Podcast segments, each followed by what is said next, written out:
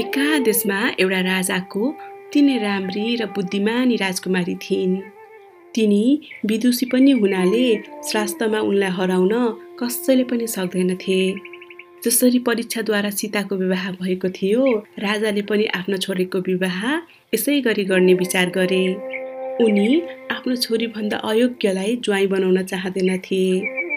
तर त्यस परीक्षाको लागि उनले एउटा शर्त पनि राखे। जसले मेरो छोरीलाई शास्त्रमा हराउन सक्छ उसलाई म छोरी दिउँला हराउन सकेन भने उसको शरीर काटिनेछ।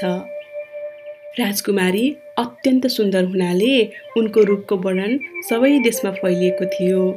रूप गुणशील भएकी राजकुमारीलाई पाउन सबैजना तछाड मछाड गर्न थाले। तर परीक्षामा भने राजकुमारीलाई कसैले पनि हराउन सकेनन्।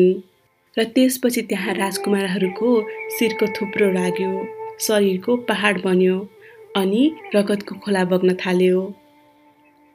आफ्नो देशमा यस्तो नराम्रो कुरा भएको देखेर देश देशका जनताहरू सबैजना दुखी हुन लागे र उनीहरूले राजकुमारीको विपरीत व्यक्ति खोज्न लागे। त्यतिकैमा गाउँलेहरू मिलेर एउटा वृद्ध मान्छेलाई नक्कली ज्योतिष बनाएर एउटा निकै नै असभ्य गाउँमा पठाए। त्यसै गाउँको एक घरमा एक आमा र छोरा मात्रै बस्थे। उनीहरू जसोतसो गरेर आफ्नो प्राण धानिरहेका थिए। त्यतिकैमा डुल्दा डुल्दै त्यो वृद्ध ज्योतिष त्यही घरमा पुग्यो। यसरी कहिल्यै नदेखेको परदेशीलाई देखेर बुढियाले खुब सम्मानपूर्वक ती वृद्धलाई आफ्नो घरमा बोलाइन्। अनि ती वृद्ध ज्योतिषले ती बुढियालाई सोधे बुढियामै तपाईँसँग को को छन्?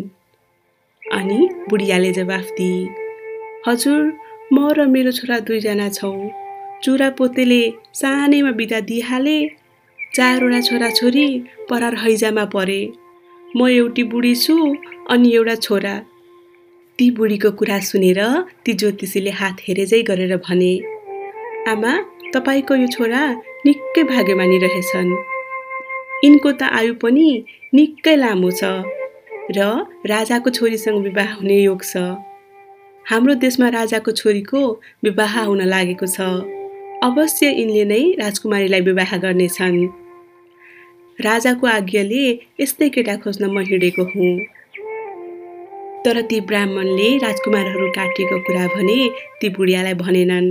बुढियाले पनि बडो खुसी भएर भनिन् अब यस्तो बुढेसकालमा यस्तो राम्रो खबर सुन्न पाएपछि मलाई के चाहियो र? ती बुढियाको कुरा सुनेर ब्राह्मणले फेरि भने आमा यी तपाईँका छोरा निकै भाग्यमानी हुन्। यिनको तिनै राजकुमारीसँग विवाह हुन्छ। धन सम्पत्ति पनि मिल्ने बुहारी पनि आउने आफूले खर्च पनि गर्न नपर्ने। मेरो साथ तपाईँको छोरा पठाउनुहोस् फिक्री लिनु पर्दैन। ती ब्राह्मणको कुरा सुनेर उनले आफ्नो छोरालाई ती ब्राह्मणसँग दिइ पठाइन्। र ब्राह्मण पनि त्यस केटालाई लिएर आफ्नो देशतिर लाग्यो। यसरी बाटोमा जाने क्रममा त्यस ब्राह्मणले सबै राजकुमारहरू ती राजकुमारीलाई शास्त्रमा जित्न नसकेर हारेर सबैको शिर काटिएको कुरा भनिदिए। अनि उनले त्यस केटालाई भने तिमीले पनि राजकुमारीलाई राजकुमारीले नजानेको पहाडिया कुरा गरेर हराइदिनु भनेर भने। यति भनेर ती बुढा ज्योतिषी अन्तै बाटो लागे। ज्योतिषीको कुरा सुनेर उनलाई निकै छटपट्टि भयो। घर फर्कु कि दरबार जाउँ। यही कुरा मनमा खेलाउँदै उनी हिँड्दै थिए। यसरी बाटोमा हिँड्ने क्रममा उनले एउटा किराले कटकट गर्दै रुख काटेको आवाज सुन्यो र मनमा नै भन्यो कट कट कट पौवा। अलि पर गाउँमा भ्यागुता ट्यार ट्यार गरेर निस्कियो। अनि उनले फेरि भन्यो जलबाट निस्कि आठ पौवा। त्यसपछि उनी फेरि आफ्नो बाटो लागे। यसरी जाँदा जाँदा बाटोमा एउटा रुखको पातमा चराहरू बसेको देख्यो अनि उनले भन्यो अङ्कीमाथि पङ्खी ब्याए अनि त्यसपछि उसले फेरि बिहानको झुल्के खाममा घाँसमा शीतका थोपाहरू चम्किएको देख्यो अनि भन्न थाल्यो जल पर्यो छवि। यसरी चौथो फाकी पुरा हुन पाएको थिएन र उसले फेरि भन्यो यिनीहरूको मतलब जान्यो भने म मरे आमा एक्लै हुने भए। यसले नजानेदेखि उसम्म तिनजना भइन्छ। र यसरी उनले सबै कुरालाई मिलाएर एउटा कविता बनायो।